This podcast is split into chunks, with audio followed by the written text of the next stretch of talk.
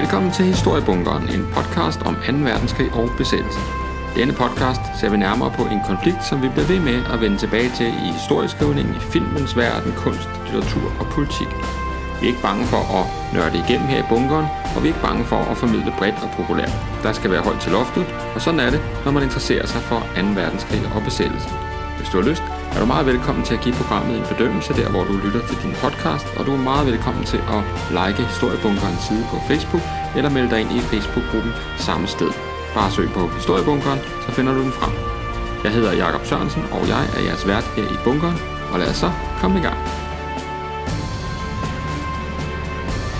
Velkommen til dagens afsnit af Historiebunkeren, som er et jubilæumsafsnit, fordi det er afsnit nummer 20. Øh, og øh, ja, altså, øh, det er jo øh, ikke længe siden, at jeg synes egentlig, at jeg startede med den her podcast, og allerede vi nået op på 20 afsnit, og jeg synes egentlig, at øhm,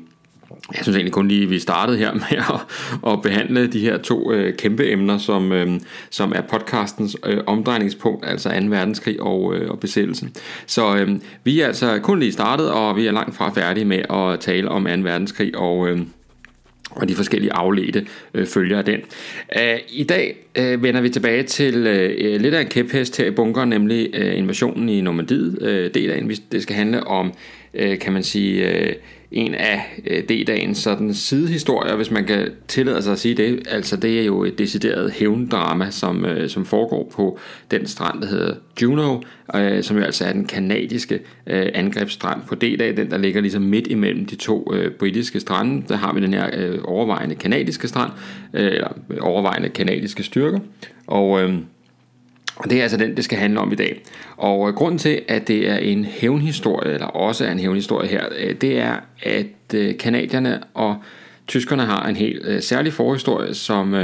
som skal føres tilbage til, til hvad hedder det, begivenheder i august 1942, hvor kanadiske styrker blev udset til at afprøve invasionsmulighederne på,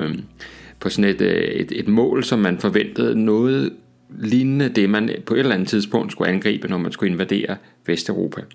Og, øh, og det var det, det vidste de allierede jo godt, at øh, på et eller andet tidspunkt, så skulle man vende tilbage til øh, det europæiske fastland, og man skulle tilbage til, øh, til kan man sige, tyskernes hjemmebane, hvis man havde tænkt sig at vinde øh, krigen. Og det havde man jo altså. Og, øh, og derfor så begyndte man så småt at øh, indsamle nogle erfaringer med øh, det her med at gå, gå i land. Altså, hvordan får man egentlig sat en styrke i land? Hvad er det for en type mål, øh, er man over for? Hvad for nogle udfordringer repræsenterer de her forskellige mål? Øhm, og øh, de fleste af de her øh, første øvelser, det her har karakter af sådan nogle raids, altså mindre styrker, som, øh, som hvad hedder det, går i land og, og, og forårsager sådan mindre skade, og så hurtigt trækker sig øh, væk igen. Altså et øh, eksempel, det er i april øh, 42, hvor at... Øh, at man forsøger sig mod øh, den by, der hedder Saint-Nazaire, som har en, øh, hvad hedder det, altså er en, en, øh, en havneby, og, øh, og derfor øh, vigtigt at, øh, at få prøvet kræfter med, altså fordi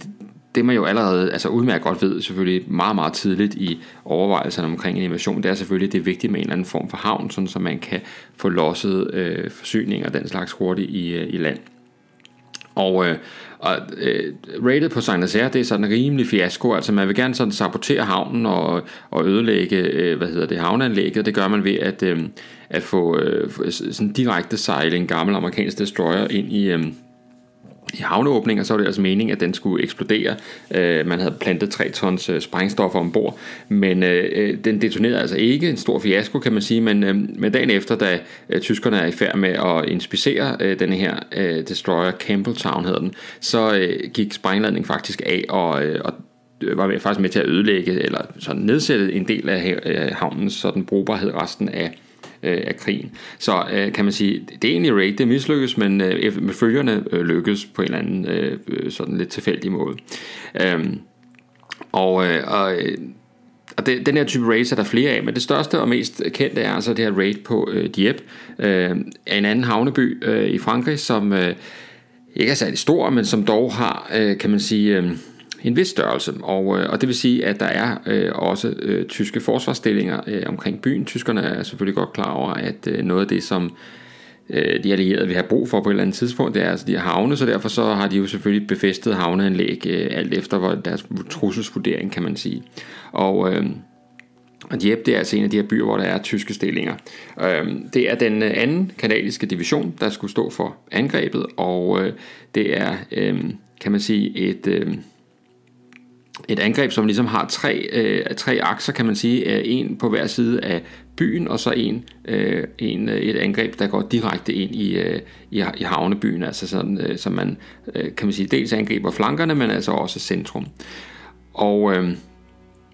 det er klart, at sådan et angreb, hvor man både, øh,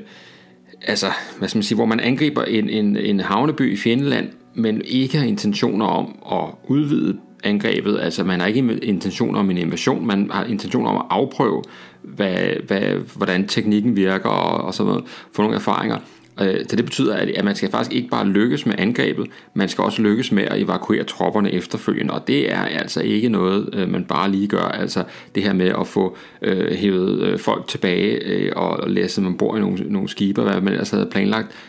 mens man jo må forvente, at tyskerne gør alt, hvad de kan for at forhindre sådan en operation. Så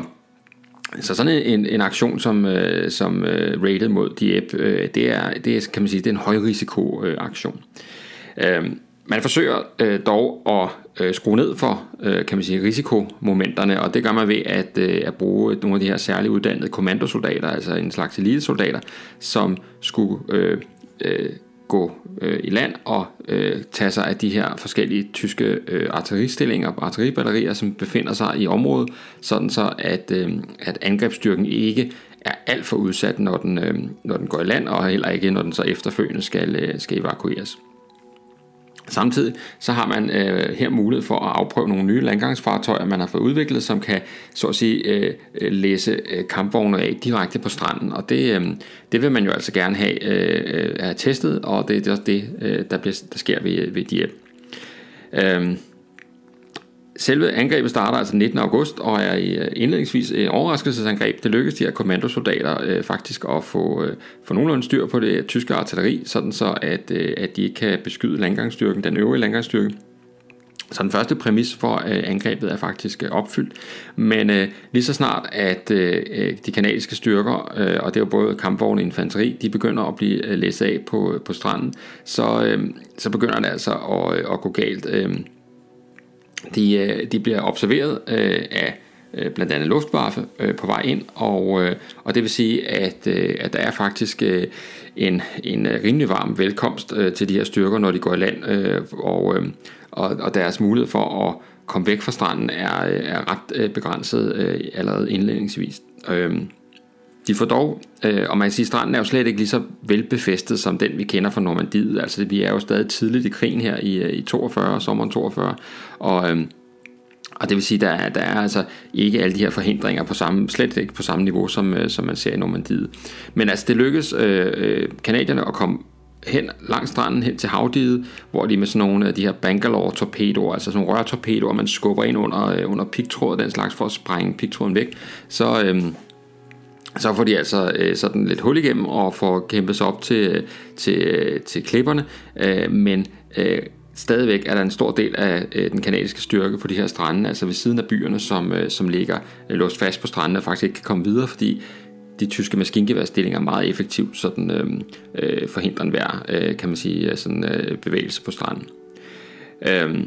det var første angrebsbølge, og så kommer der 20 minutter senere endnu en angrebsbølge, og endnu en tredje angrebsbølge efter det. Og igen, så øh, er tyskerne faktisk med præcis beskydning, øh, med mindre våben faktisk, øh, dygtige til at få, øh,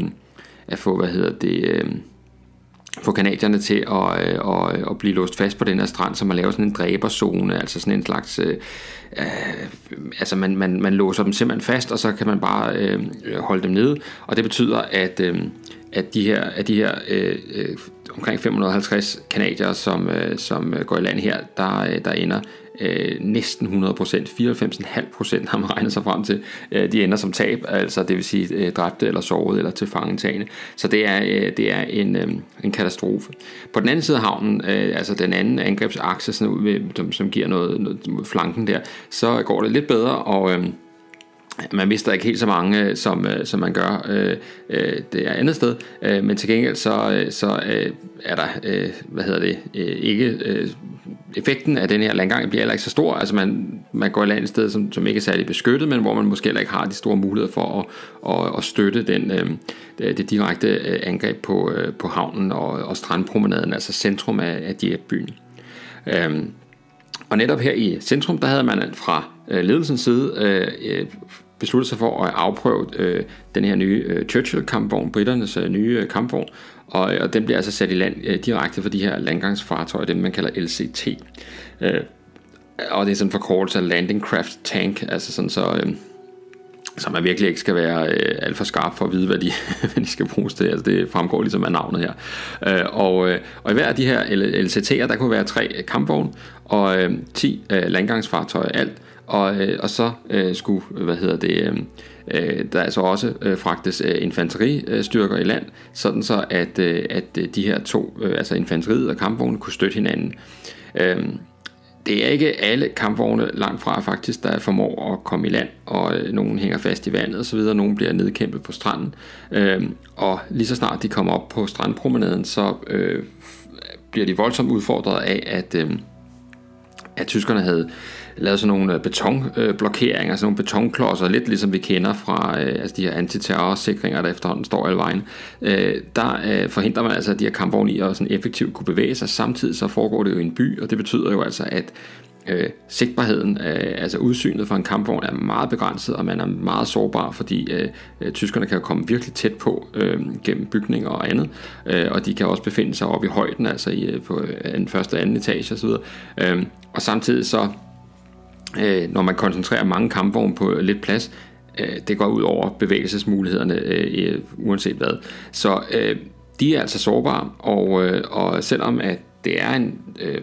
i forhold til tidligere britiske kampvogne en, en ret svært pansret kampvogn, man har med at gøre her, så, øh, så får tyskerne altså stille og roligt øh, nedkæmpet dem, og øh, det lykkes ikke at få evakueret en eneste med tilbage. Øh,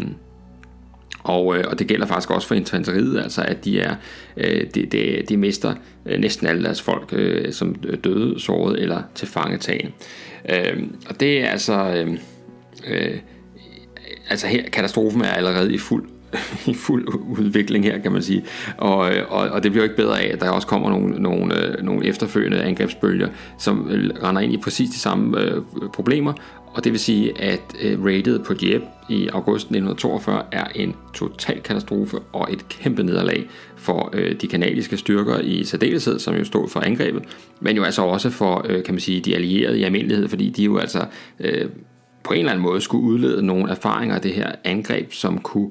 øh, pege frem imod øh, håbet om i hvert fald at lave en succesfuld øh, landgangsoperation senere hen. Øh, så altså, hvad, hvad kan man lære af Jeppe, som ikke bare ligesom overbeviser en om, at man skal droppe tanken om at, øh, at krydse den engelske kanal? Øhm, nogle af de øh, ting, som man øh, finder ud af, er en, øhm, øh hvad hedder det, øh, altså er, øh, var, var problemer ved Dieppe, altså noget af det, som, som øh, var oplagt at øh, øh, gik galt, det var det her med, at man øh, gik så direkte efter en by, og, øh, og at man med det samme blev øh, viklet ind i, øh, i terræn, altså i en by som bykamp, som ikke øh, gjorde det muligt at, at, at, at få noget som helst bevægelse ind i angrebet. Så noget af det, som man, øh, øh hvad hedder det, øh, som man øh, altså sat på sin huskeseddel, det var altså det her med at prøve at undgå så vidt muligt øh, alt for meget by, der hvor øh, en eventuel landgang skal finde sted. Altså der skal være noget plads til at komme væk fra stranden og forholdsvis hurtigt. I forbindelse med angrebet på Dieppe havde man heller ikke i nogen særlig grad sådan øh, præpareret målet med et indledende artilleri øh, bombardement eller flybombardement eller noget lignende. Øh, og det havde man givetvis øh, øh, tænkt sig at gøre øh, ved en storstilet invasion, men øh, spørgsmålet er, hvor stor forskel det egentlig havde gjort, fordi at, øh, det, det var jo faktisk lykkedes at slå nogle af de der store kanoner ud ved hjælp af de her kommandosoldater, så, så det var jo egentlig ikke så meget, øh, kan man sige, det, det, det tyske sådan, artilleri og de tyske stillinger, øh, sådan større stillinger, der, der nedkæmpede angriberne, det var mere de lidt mindre, øh, hvad skal man sige, altså maskingeværer, morterer og den slags, som, øh, som, øh, som er lidt nemmere at flytte rundt på, øh, og, og måske ikke helt så sårbar for et, en sådan præcis artilleribeskydning som de her faste mål, som man trods alt nemmere kan se øh, ud fra søsiden eller fra luften for den sags skyld. Øh, men uanset hvad, så øh, kan man sige, så var det måske lidt tilbage til, øh, til tegnebrættet med invasionsplanerne, øh, og, og derfor øh, indskriver øh, Dieppe rated sig sådan ligesom med to konklusioner. På den ene side, at man ikke skulle gøre sådan, som man gjorde ved Dieppe, man skal gøre noget andet. Og så øh, næste er, at øh, samtlige kanadiske soldater øh, efterfølgende øh, nok har haft et øh, stort behov og en stor trang til at øh, hævne øh, det, der foregik ved Dieppe, det her meget, meget ydmygende nederlag. Og, øh, og derfor øh, gør alt, hvad de overhovedet står i deres magt ved en øh, ny øh, invasion for at få, øh, få øh, vasket tavlen ren og få, øh, få hævn for, øh, hvad der skete ved, øh, ved Dieppe. Den mulighed får kanadierne altså på D-dag, hvor de får øh, en øh, helt strand øh, næsten for sig selv, øh, altså mere eller mindre, øh, nemlig altså stranden med kodenavnet Juno, og, øh, og den ligger altså sådan øh, øh, faktisk øh, med en havneby i centrum, for det ikke skal være løgn, øh, men altså med mere plads øh, også, hvad hedder det... Øh, øh, ud til siderne, end man, øh, end man havde der, hvad hedder det, øh, da man angreb ved Dieppe. Og, øh, og i området har vi også øh, tysk modstand naturligvis. Øh, vi har øh, den tyske general Richter og hans øh, 716. infanteridivision, som, øh, som dels har øh, en række sådan øh, øh artilleristillinger under sig, men altså også øh, en del øh, infanteri. Og øh, det var langt fra færdigbygget øh, det hele i juni 44. Meget var stadigvæk øh, ved at blive bygget eller på tegnebrættet, men øh, der er altså øh, stadigvæk en række åbne øh, betonstillinger eller stillinger, der er gravet ud i jorden med, med hvad hedder det, øh, sandsæk og den slags til beskyttelse. Øh, der er også nogle af de her, det de kalder widerstandnæster, altså sådan nogle modstandsreder, sådan nogle øh, sammenhængende stillinger etableret rundt omkring øh, i øh, kanadiernes øh, område. Øh, stillinger, som er altså med, med slags, det vi faktisk kan kalde en slags skyttegrave, løbegange, maskingeværreder, minefelter, pansergrave osv. Altså det, der er øh, trods alt øh, forberedt øh, noget af en varm velkomst, hvis nogen skulle finde på at, øh, og, hvad hedder det, at angribe der. Så har vi også nogle våben selvfølgelig, som er, som er øh, forudindstillet, sådan, så de kan skyde ud over, øh, ud over en invasionsstyrke, og man har øh, markeret øh, de forskellige steder på stranden, hvor man forestiller sig, at en modstander vil kunne, øh, kunne søge dækning i en eller anden form, og de er selvfølgelig skudt ind og sådan noget, så, øh, så tyskerne har jo altså forberedt sig vældig godt øh, i forhold til at kunne modstå et angreb også her. Øh, og stillingerne er selvfølgelig også øh, etableret øh, ud fra princippet om, at de kan give hinanden øh, støtte med overlappende ild osv., så sådan så at øh, især øh, ved højvandet, som jo er der, tyskerne forventer, at angreb vil komme, øh, vil man have maksimal øh, udbytte af øh, forsvarsstillingerne. Øhm, og så har vi selvfølgelig øh, selve stranden, som jo altså i modsætning til stranden øh, omkring Dieppe øh, i august 42 er øh, spækket med forhindringer af forskellige art, spanske ryttere, tjekkiske pindsvin, belgiske porte og hvad det ellers hedder. Det lyder som sådan et helt EU-projekt nærmest, men øh, øh, der har jeg altså alle de her øh, forskellige sådan, øh, øh, forhindringer, som skal, som skal gøre det besværligt simpelthen at krydse sådan en, øh, sådan en strand der. Øhm, så man kan sige, altså øh, på papiret en øh, imponerende øh, forsvarsstyrke, men altså øh, øh, det var så øh, også øh, overskriften, når man går lidt ned i, øh, i forsvarsevnerne øh, øh hos den her 716. infanteridivision, så har de også øh, udfordringer, må man nok sige. Det er en næsten en, en stedbunden, altså sådan en bodenstændige division, det vil sige, der er stort set ikke nogen transportmidler til rådighed. Øh, alt, hvad der foregår af transport øh, i den her fase, det øh, foregår ved hjælp af hestetransport. Øh, soldaterne går til fods, øh, næsten alle sammen. Øh, og øh, ganske få øh, lastbiler, øh, ganske få øh, altså benzindrevne køretøjer i det hele taget. Det er en skrabet øh, og øh, og hvad skal man sige, øh, hvad mobilitet angår, øh, udfordrede øh, styrker, der skal forsvare øh, Juno her. En stor del af dem er jo altså også øh, de her østbataljoner, altså det vil sige øh, forskellige som grader af mere eller mindre frivillige fra de østeuropæiske lande, som som har endt i tysk styrke og kombineret også med de sædvanlige øh, forskellige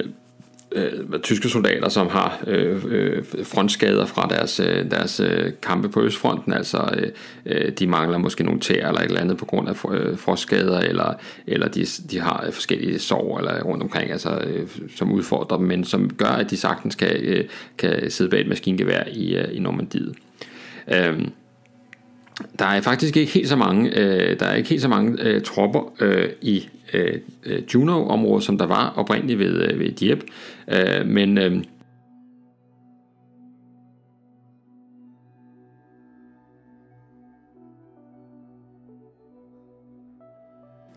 Men faktisk så er, kan man sige, øh, kvaliteten af tyske forsvarsstyrker jo altså for nedadgående. Øh, de styrker, der var ved Dieppe, var jo langt bedre øh, og friskere og alt muligt andet, end de styrker, der to år senere bemander Atlantbånden. Så, så der er altså sket, kan man sige, en,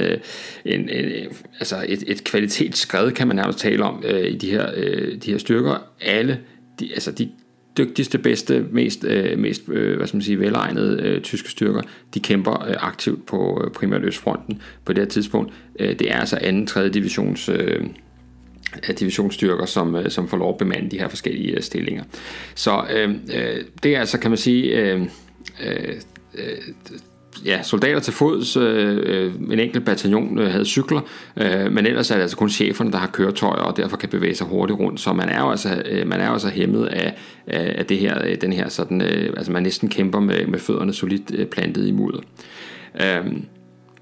og så er der, øh, hvad hedder det, øh, altså forholdsvis få øh, øh, tyske soldater i området, og det vil sige, at kanadierne er i, øh, i øh, altså styrkeforholdet er klart i kanadiernes øh, favør, og, øh, og det er, øh, kan man sige, jo også en fordel for kanadierne, og man så må sige, også for de allierede det hele taget, at det er jo dem, der bestemmer hvor og hvornår. Altså det er jo altid en fordel, når man skal øh, slås, at, øh, at man har ligesom den, øh, den, øh, den øh, luksus at, øh, at udvælge præcis, øh, hvordan og hvorledes det skal foregå. Øh, så øh, hvis man regner det lidt om i antal, så er der omkring 400 tyskere øh, i lige det område, at øh, kanadierne angriber, og der er omkring øh, 2400 kanadiske soldater alene i første angrebsbølge, og dertil kommer jo altså alt, hvad de har med af efterfølgende angrebsbølger, og alt, hvad de har med af kampvogne, artilleri og øh, indledende bombardement osv. osv. Øh, man var ikke nået så langt, øh, tyskerne var ikke nået så langt med udbygning af Atlantvolden i den her sektor, og, øh, og de fleste stillinger er altså ikke overdækket, og, og det vil sige, at man er selvfølgelig sådan øh, relativt sårbar øh, øh for angreb, øh, i modsætning til de steder, hvor øh, man øh, kæmper, eller delvis kæmper ud fra sådan færdigbyggede bunker selvfølgelig. Øh, så altså, øh, der er altså en... Øh, en, en, en god mulighed for, at kanadierne her kan, øh, kan få oprejsning for deres øh, øh, nederlag i, øh, i, øh, i Dieppe, øh, og, og, og at øh, de kan få øh, vasket den her tavle ren. Så øh, lad os se, hvordan øh, angrebet egentlig øh, løber stablen.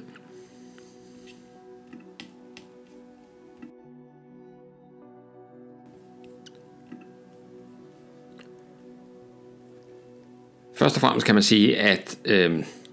øh, god forudsætning for angrebet var altså, kan man sige, de angribende troppers kvalitet. Øh, der er værnepligt i Canada under 2. verdenskrig, og, øh, men man havde faktisk en bestemmelse om, at det kun var frivillige, der blev sendt i kamp, og det vil sige, at øh, der var ingen tvivl om, at det var motiverede, øh, veluddannede, veltrænede, engagerede øh, soldater, som øh, angreb øh, Juno. Og øh, med det her, hvad hedder det, øh, øh styrkeforhold, jeg lige omtalt, så, øh, så er der altså virkelig lagt i kakkelovnen til en, øh, en ordentlig øh, hævnaktion. Øh, Området her, som de angriber, er jo i modsætning til øh, området, hvor amerikanerne angriber ved Omaha og Utah, så er, øh, er der jo en delvis bebyggelse, små fiskerlejre, sommerhuse og den slags, øh, som, øh, som ligger i området. Man kan sige, altså jo længere man kommer over mod den britiske sektor, jo mere, øh, eller jo længere man bevæger sig ind i den britiske sektor, jo øh, mere bebygget er, øh, er stranden. Og, øh, og her der, der er altså sådan øh, bygninger og, og, og, og bebyggelse og den slags. Øh, til gengæld er der ikke øh, øh, de her øh, sådan højdedrag, som man møder lige på Omaha for eksempel, hvor man jo øh, ret hurtigt, når man bevæger sig over stranden, så løber man ligesom panden imod en, øh, en sådan... Øh, altså ja, sådan et højdedrag, som, øh, som giver øh, forsvarsstyrkerne kæmpe fordel. Det er der ikke her. Det, er, det er forholdsvis fladt hele vejen. Til gengæld så, så er det altså noget med at indstille sig på, at man trods alt skal kæmpe øh, fra hus til hus i, øh, i bykamp i de her øh, lidt mindre øh, bebyggelser. Og, øh, øh, og så er der altså en, øh, men lige så snart det er gjort, altså lige så snart man har efter planen fået, fået hul på, øh, på byerne her, så er der faktisk et godt og veludbygget vejnet, så man hurtigt kan komme øh, videre og få, og få så momentum på sit angreb, altså pres på, sådan så tyskerne ikke øh, øh, så nemt i hvert fald kan iværksætte et eventuelt øh, modangreb. Så øh, så det er altså, øh, det er altså kan man sige, sådan øh, konceptet her. Og på samme måde som ved øh, øh, Goldstranden for eksempel, den anden en af de andre britiske strande, så øh, i modsætning til, øh, til, øh, til amerikanerne, så går man meget tæt ind mod kysten, før man øh, går i gang med beskydning af, øh, hvad hedder det, øh, af, af de forskellige mål, man har udset sig, altså de forskellige tyske stillinger. Øh, ulempen er selvfølgelig, at, øh, at tyskerne at man er mere sårbar, jo tættere man er på kysten selvfølgelig for øh, tysk øh, beskydning. Til gengæld så øh, har man jo bedre, sig, altså, kan simpelthen bedre se, hvad det er, man laver, og, øh, og derfor en, øh, en højere træfsikkerhed. Så det er jo sådan en afvejning af øh, fordele og, øh, og ulemper. Øh, den øh, infanteridivision, som kanadierne sætter land her, den tredje kanadiske infanteridivision, er, øh, består af to øh, brigadegrupper. Den syvende, som skulle øh, hvad hedder det, erobre øh, hvad hedder det, to, øh, to byer, og så den 8. som skulle erobre som to andre. Så de havde ligesom sådan to byer hver, som skulle, øh, som skulle øh, hvad hedder det, øh, hvor de skulle have etableret et, øh, et, et, et sikkert brohoved. Øh, man er ledet af øh, generalmajor R.F. Keller, og øh, og var i sådan øh, organisatorisk en del af den tredje britiske armé under det her angreb i, øh, i Normandiet. Så havde man også øh, et par skotske enheder øh, med sig som, øh, øh, sådan, til, som hjælp, øh, og, øh, og man havde en øh, bataljon fra øh, det der hedder Kings Liverpool Regiment, som var øh, som skulle være med til at, øh, at stå for øh, kommunikation og koordinering og så videre på stranden efter landgang, det man kalder en beach group, altså man havde sådan nogle folk, som havde sådan øh, logistiske opgaver, kan man sige, på, øh, på landgangsstranden øh, med det samme, og få dirigeret trafik og få etableret kommunikations øh, øh hvad hedder det, øh, linjer tilbage, altså alt den slags. Øh, og så er der også øh, nogle andre øh, britiske enheder, så derfor kan, er, er det faktisk sådan, når man siger den kanadiske strand, så er det sådan lidt øh, øh, en sandhed med, med modifikationer, men øh, 15.000 kanadier og øh, 9.000 øh, britter øh, bliver altså landsat her på, øh, på Juno. Øh, der er sådan forholdsvis øh, vejret er dårligt, øh, ved vi, og der er jo forholdsvis øh, høj sø, og øh, og, øh, og det betyder, at man her beslutter sig for, at, øh, øh i modsætning til, øh, hvad man besluttede sig for på Omaha, at, øh, at bruge de her øh, øh Sherman-kampvogne, de her amfibiekampvogne, der sådan kan sejle selv og har det her sådan, øh, vandtætte skørt rundt om sig. Jamen, øh, dem er man altså bange for ved, ved kenter i, øh, i, den her, øh, i, i bølgerne, så derfor så, øh, så vælter man altså med at sætte dem i land, til man øh, kommer helt tæt på land. Og det øh, viser sig at være en, øh, en stor fordel, øh, fordi at... Øh, øh, ja, så, så, så, så synker de her stakkels øh, kampvogne jo ikke, og det vil sige, at de kan støtte øh, hvad hedder det, øh, infanteriet med det samme, lige snart de, øh, de kommer i land. Så øh, der er altså 28 af den slags øh, øh, kampvogne med øh, til at støtte kanadierne, og så... Øh,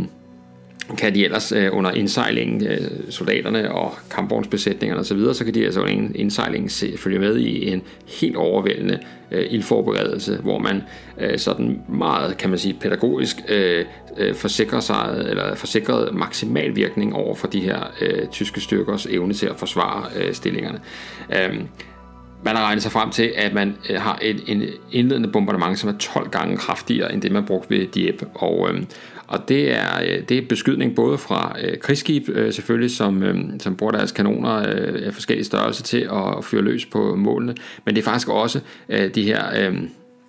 altså de her sådan nogle selvkørende artillerienheder, der hedder Priests, som, øh, som man, øh, som man øh, har med på landgangsfartøjerne, og de, de skyder altså under selve indsejlingen. Og, og så er der også raketbatterier og alt muligt andet, som er med til at, at simpelthen dænge hvad hedder det, målområdet til med, med sprængstof eller sprængladninger, granater og alt det her, som, som jo altså både øh, ved, altså, kan dels rent sprængkraft, men jo også larmen og alt det her øh, lammer, sådan, øh, øh, efter planen i hvert fald, lammer øh, forsvars, øh, øh forsvarsstillingerne og, og, og de folk, der havde øh, ligesom udset øh, rollen til at skulle, øh, skulle optage øh, forsvarskampen, så snart at, øh, at øh, artilleriforberedelsen den letter. Øh, man har lidt øh, udfordringer med at overholde øh, tidsplanen. Altså faktisk så, at det hele er jo nøje planlagt for sådan et tidsskema for, hvornår de forskellige enheder skal gå i land på helt bestemte tidspunkter. Og det går, det går der altså lidt, øh, det går altså lidt øh, skævt her, øh, og man er nødt til sådan at holde nogle enheder tilbage og så videre, så det går ikke efter planen. Øh, øh, den hårde øh, sø, de hårde bølger, øh, forsinker indsejlingen og beslutningen om, at de her amfibiekampvogne ikke skal, øh, skal hvad hedder det, sejle ind, men skal landsættes osv., det er med til at, øh, og hvad hedder det, øh, forplummer, øh, sådan kan man sige det, helt forkromet, en helt forkromet landgang. Men, øh, men altså, øh, ja, sådan er det jo krig. Altså, øh, planer øh, holder jo lige indtil de bliver sat i værk, kan man sige, og så må man ellers øh, improvisere sig lidt frem øh, derefter. Men øh, øh,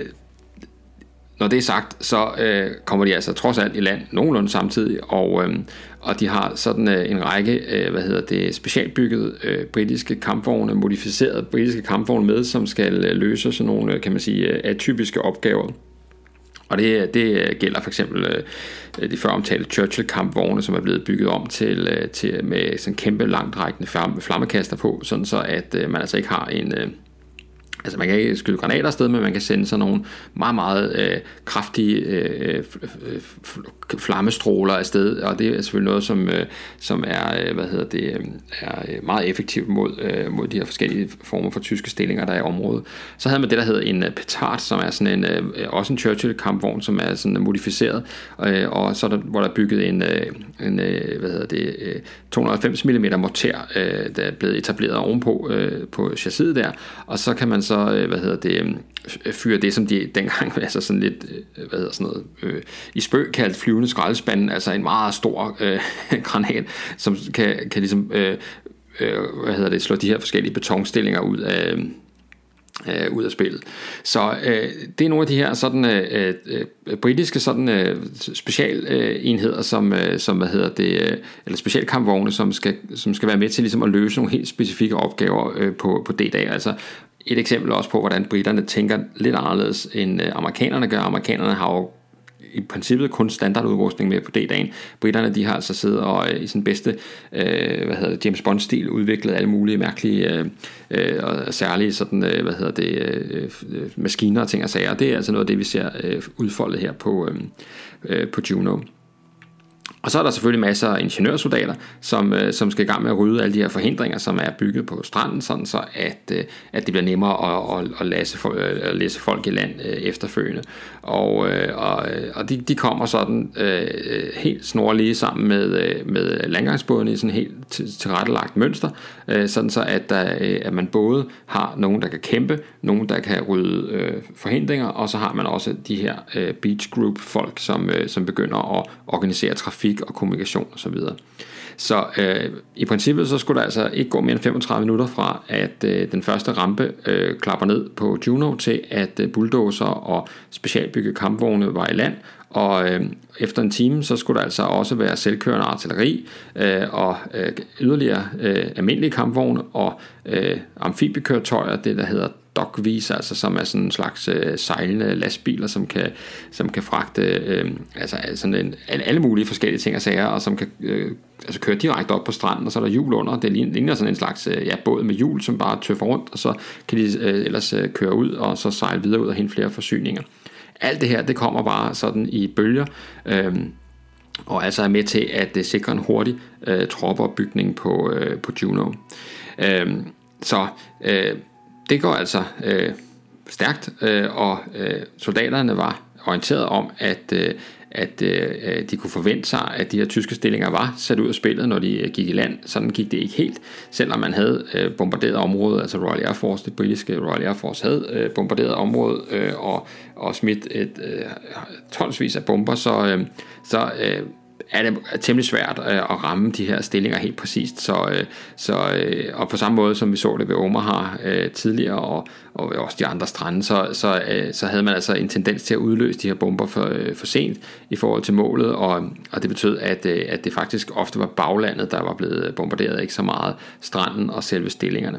Og så havde man jo altså også lidt nogle civile bygninger, og, og sådan skulle tage lidt hensyn til, selvom det ikke var noget, der fyldte meget i overvejelserne. Øhm, fra klokken 6 om morgenen, der øh, går Royal, øh, Royal Navy, altså den britiske flåde, øh, krydser og slagskib øh, i gang med at øh, fyre løs på, øh, på kysten. Og, øh, øh, og så får vi altså en, øh, den her virkelig sådan... Øh, tunge, tunge øh, beskydning af området. Vi har endda to slagskibe, øh, Ramil og Warspite, som, øh, som er med, og det er jo, altså, øh, det er jo skibe, som har øh, øh, hvad hedder det, sådan nogle 38 cm øh, kanoner ombord, og det er altså nogle granater. det, er noget, der, det er noget, der efterlader et, øh, et godt øh, hul i ens græsplæne, hvis man bliver ramt af sådan en. Øh, så de går selvfølgelig i gang med systematisk at, at fyre løs på de øh, tyske stillinger, man har øh, sådan, øh, man kan jagtage. Øh, og de kan jo skyde helt op til 30 km, og det betyder faktisk, at, øh, at øh, de ligger og beskyder mål både på øh, Gold, Juno og Sword, altså de to britiske og den kanadiske strand, så der, er, der er sådan set nok øh, på dagsordenen, men, men øh, er jo også fordel ved det, altså man kan koncentrere ilden et sted, skifte øh, mål til en af de andre strande, og så når røgen ligesom har drevet lidt af vejen, så kan man vende tilbage igen, når ens udsyn er, øh, er blevet lidt bedre. Og så er der altså også en masse øh, mindre øh, krigsskibe, som går tæt ind på øh, destroyer og så videre, øh, og fyrer løs mod, øh, mod målområdet, og til allersidst så øh, bliver der øh, afskudt øh, øh hvad hedder det, over 1000 øh, sådan 12 cm raketter, som bliver fyret af i sådan en samlet salve faktisk, lige inden øh, infanteriet når frem til stranden. Og det er jo sådan, øh, ikke fordi måske de ødelægger så frygtelig meget her, men det er jo en, en man bliver jo lammet af at blive, øh, blive altså det er jo et, et, et chok for livet, må man nok sige, for, øh, for mange af de her øh, øh, tyske soldater, som skulle, øh, skulle forsvare området bagefter. Så altså, øh, der er blevet banket godt og, og grundigt på hoveddøren, inden at, øh, at styrkerne går i landing. Så øh, de her, øh, sammen med øh, Sherman kampvogn, så har vi også de her øh, Priest øh, øh, selvkørende artilleri, øh, 24 af dem, og det er jo altså, de har altså sådan en 105 øh, mm kanon på, øh, og det vil sige, det er kraftige kanoner, som kan øh, både øh, affyres under indsejling, men altså også øh, når de er øh, kommet i landing. Øh, så altså, øh, fra tysk side, der er det her rigtig, rigtig dårligt nyt, fordi der bliver virkelig øh, banket til dem. Øh, og, øh, øh og selvom man øh, ja, altså kan man sige, har en, øh, en, øh, en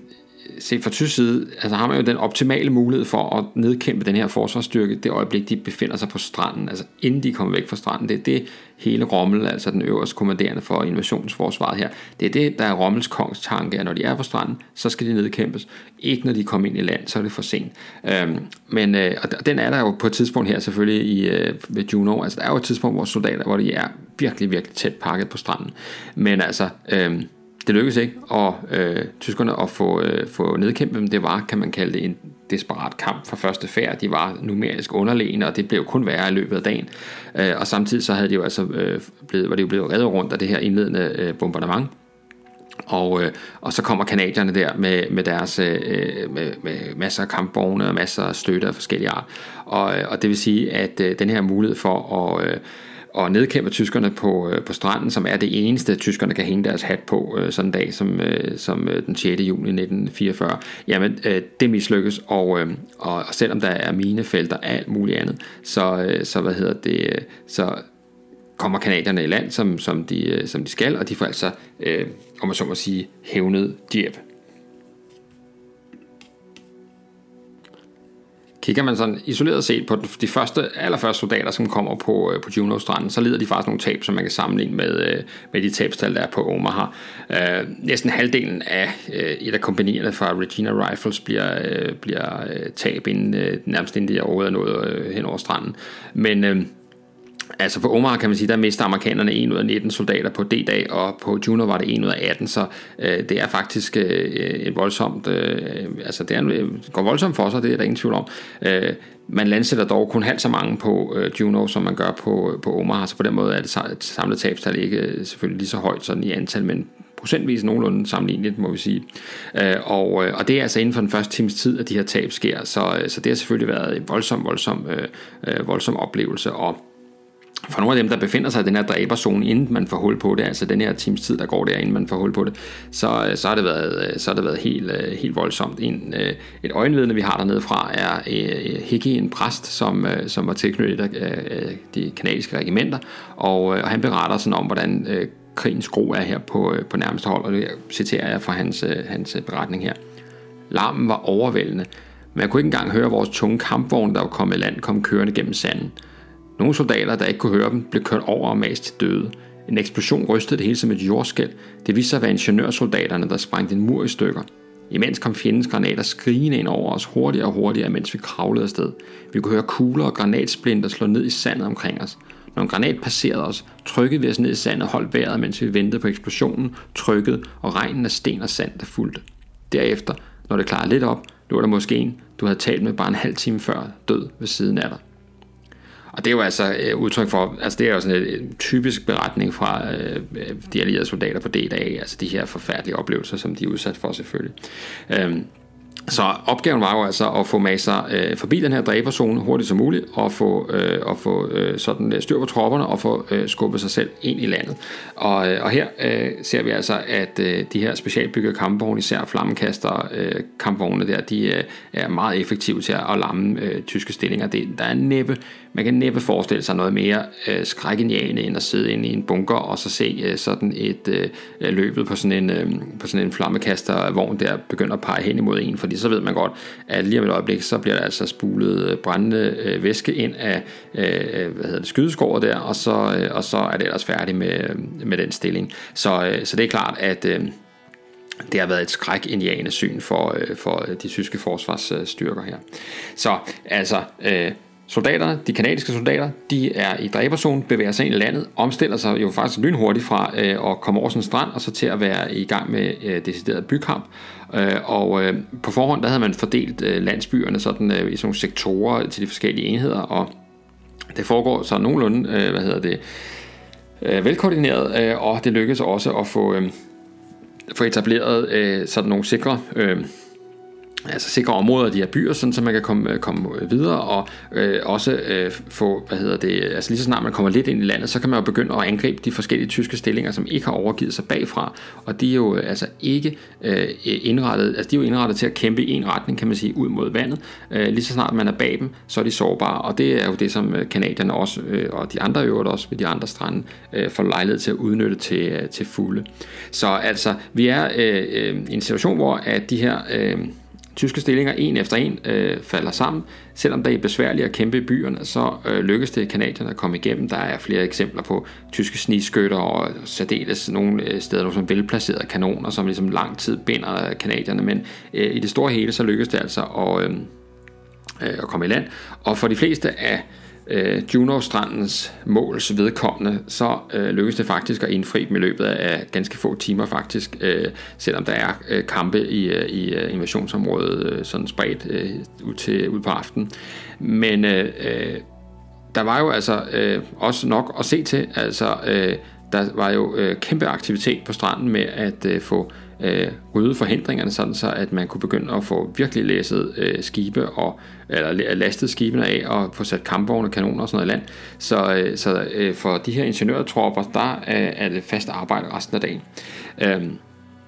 så, øh, så øh, vi ser altså, kan man sige, en, en masse af de her sådan helt særlige sådan del af opgaver udfoldet i, øh, i Juno, på Juno-stranden selvfølgelig. Øh, og øh, og øh, der er også tid til andre ting. Altså vi har en, øh, en af sergeanterne, der hedder Leo Garapi, han, øh, han kommer fra sådan en kampvognsenhed og, og trænger altså til en lille pause midt i det hele. Øh, og øh, har tænkt sig, at øh, nu skal hans øh, folk der lige have lidt mad. Og her kommer sådan en lille citat fra ham, hvor altså, det er jo midt, mens, øh, mens øh, alt det her øh, foregår. Så siger han så, og jeg citerer, jeg beordrede mandskabet til at åbne nogle selvopvarmede dåser med oksehalesuppe. Vi trængte meget til det, for vi led stadig under eftervirkningerne af søsyn. Mens vi drak vores suppe, kiggede jeg mig omkring og forsøgte at få et overblik over situationen. En del kampvogne lå stadig i vandkanten, hvor flere af dem var kendret. Fra søsiden var der stadig kraftig en artilleribeskydning, og landgangsbådene fortsatte med at komme i land. Det lignede en scene fra Dantes helvede. Og det, altså, det er jo et fantastisk citat. Altså, jeg, jeg, jeg, det er jo, jeg vil jo give næsten hvad som helst for, at, at der havde været nogen forbi lige at tage et billede af øh, chassanten og hans øh, mandskab, der sidder der og, øh, og spiser oksehalesuppe, mens de kigger ud over, over Dantes helvede. Det er jo fantastisk... Øh, det er jo et fantastisk billede, men, øh, men altså, øh, det var der ikke lige åbenbart, øh, i hvert fald mig bekendt, nogen, der, der tænkte over lige situationen, men, øh, men han sidder altså der og jagter, øh, jagter hvad der foregår, og, øh, og, øh, og har sikkert også jagtet, at øh, lige, faktisk næsten lige så snart, at kampene rykker lidt ind i landet, så begynder civilbefolkningen sådan at, at mylde frem, og, øh, og der er genstand for jubelscener, må vi nok sige, og især båret frem af jo, at øh, mange kanadier kan jo øh, fransk, og øh, det kan de jo også i Frankrig, kan vi, det ved vi jo. Så, øh, så der, er altså, øh, der er rig lejlighed til at tale sammen, og, øh, og de her befrierne kan blive takket af øh, de befriede. Øh, så, øh, så der har været mange øh, øh altså omfavnelser og glædesråb og så videre for, øh, for hvad hedder det, øh, fra øh, de civile, øh, de franskmændenes side, øh, og øh, det har formentlig været ganske, ganske overvældende for mange af de kanadiske soldater, som jo altså også nu kunne, øh, kunne hvad hedder det, øh, øh, kunne ønske hinanden tillykke med, at de havde hævnet sig fra Dieppe, og de havde øh, fået, hvad skal man sige, visket tavlen ren for det øh, svinenederlag, de led i august 1942. Allerede midt på dagen øh, ved 12-tiden, så... Øh, så er man allerede i gang med at angribe langt ind i landet, flere kilometer ind i landet, og, øh, og man er i gang med at, øh, at bevæge sig hen imod det, som er øh, de britiske øh, strandes øh, sådan meget ambitiøse mål, nemlig at øh, Europa byen øh, som jo ligger de her 14 km cirka ind i landet. Og, øh, og der handler det altså om at, at ikke spille tiden, øh, men... Øh, men altså, øh, ude på aftenen med 6 om aftenen, der, øh, der øh, øh, møder nogle af de her øh, sådan, hvad hedder det, øh, fremskudte enheder, der er i gang med at kæmpe sig frem, de, øh, de øh, begynder altså at møde øh, sådan tilstrækkeligt meget modstand til, at, det, at øh, man altså må opgive, at, øh, at hvad hedder det, øh, Europa Kang, øh, man når cirka 10 km ind i landet på D-dag, og så stopper fremrykningen også der. Altså der har tyskerne fået, øh, fået kontrol over situationen, sådan nogenlunde i hvert fald omkring Kang, og kan, og kan få etableret, og fik etableret et, et vældig effektivt øh, forsvar af byen der. Så øh, øh, facit på Juno var altså, at kanadierne fik øh, hævnet sig, og at de fik de her, øh, øh, hvad hedder det, øh, øh mange tusind øh, tropper landsat, og øh, med forholdsvis øh, få tab, omkring 350 døde og 600 øh, sårede, altså som, men som til gengæld falder øh, langt de fleste i første angrebsbølge. Øh, og øh, på selve det i dag, der øh, får man altså landsat lige over 20.000 øh, soldater. Så det er, øh, det er jo, hvad hedder det, går øh, på den måde lige efter planen. Øh, hvad der så ikke gik efter planen, det er for øh, Europa Kang, men øh, det var også nok et overambitiøst øh, mål for de allierede at tro, at en styrke, som først har krydset den engelske kanal, derefter kæmpet sig igennem en øh, veritabel øh, dræberzone på sådan en landgangsstrand, derefter deltaget i øh, sådan en spredt bykamp øh, og, øh, og altså, hvad skal man sige, og, og øh, de øh, udfordringer, der følger af det, og så lige rykke 14 km ind i landet, og så lige indtage en stor by. Det er altså meget at forlange af sine folk, og, øh, og det, det lykkes som sagt heller ikke. Her i historiebunkerne historiebunkeren er vi jo, øh, er vi jo, har vi jo sådan en vis tradition, som ikke er fuldstændig konsekvent, men næsten at øh, komme med forskellige anbefalinger undervejs, eller i sådan en afslutning af de forskellige afsnit her. Og, og jeg er da ikke bleg for at, at komme med en anbefaling af en af mine store konkurrenter, nemlig, nemlig Anthony Beaver, den britiske militærhistoriker. Jeg er ikke sikker på, at Anthony Beaver er klar over, at jeg er en af hans konkurrenter. Jeg er ikke sikker på, at nyheden om min, min min, min ringe tilstedeværelse er nået helt øh, til, øh, til det biverske hovedkvarter. Men øh, jeg vil gerne anbefale hans øh, D-dags-bog, som, øh, som jeg egentlig synes øh, er øh, på mange måder... Øh, egentlig ikke er særlig god, men øh, der er et bestemt, øh, øh, der er nogle bestemte ting ved den, som er øh, rigtig interessante, og som, øh, og som gør, at den selvfølgelig er værd at læse. Og det, øh, det er, at han har meget fokus på øh, Øh, kan man sige, mange af de øh, mindre, øh, mindre øh, gloværdige ting, der sker i kølvandet på invasionen. Altså det vil sige øh, eksempler på øh, dårlig altså behandling af fanger, nedskydning af, af, af krigsfanger osv., som sker fra allieret side. Og, øh, og det vil sige, at øh, noget af det, som jo faktisk øh, tit fylder meget i sådan øh, standardbøgerne, hvis man kan sige det sådan. Den klassiske fremstilling af D-dagen, det er jo noget med forberedelse af invasionen, og så selve invasionen, og så sådan en slags konklusion til sidst. Øh, Beaver han starter med invasionen, og så følger han faktisk i månedsvis, hvordan det går med, øh, med angrebet, så han har sådan lidt længere perspektiv på, og det, det er rigtig interessant og fungerer rigtig godt. Og så har han altså den her fokus på, hvad, hvad kan vi kalde allieret overgreb, og, og grund til, at jeg lige i den her sammenhæng synes, at den skal fremhæves, det er selvfølgelig fordi, at kanadierne øh, er Øh, øh, er rimelig fremtrædende i, øh, i den sammenhæng, fordi der er et meget hadsk forhold mellem øh, de kanadiske soldater og øh, Waffen-SS-enhederne på tysk side øh, gennem hele øh, krigen i Vesteuropa. Så at det, øh, det er sådan en slags øh, kamp i kampen, kan man sige. Så øh, det er ikke fordi, at øh, kanadierne øh, slapper af efter, de har hævnet Dieppe ved Juno. De fortsætter altså med at køre en ret hård stil, øh, må vi nok sige, over for Waffen-SS-enhederne, som altså jo heller ikke ligefrem øh, øh, tager fløjlhandsker på, når de skal øh, behandle øh, allierede soldater. Så øh, og den, den øh, dimension er, øh, er skildret øh, vældig fint hos øh, Anthony Beaver i hans bog D-dag, som øh, kom for en 5, 6, 7 år siden, hvornår nu er, og altså findes på dansk, og, øh, og absolut er, øh, er værd at læse. Øh, det er øh, dagens anbefaling fra Historiebunkeren.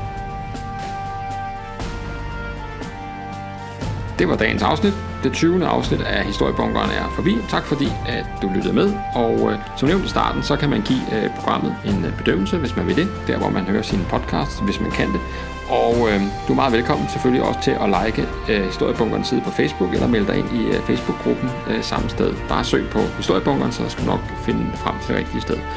Øh, det er jo gratis at lytte med, sådan synes jeg, det skal være. Øh, og øh, det er jo ren og skær interesse for gamle dage, der driver historiebunkeren. Men hvis du alligevel skulle have lyst til at give en mindre donation til driften, så er du meget velkommen modtages, altså modtages bidrag gerne på MobilePay på det nummer, der hedder 74 59 TA, altså 74 59 TA.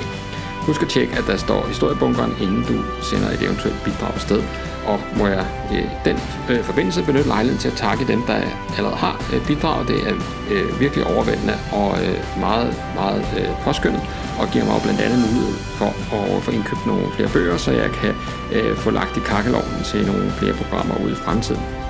Så tak for det, og på genlyt næste gang bunkeren åbner op.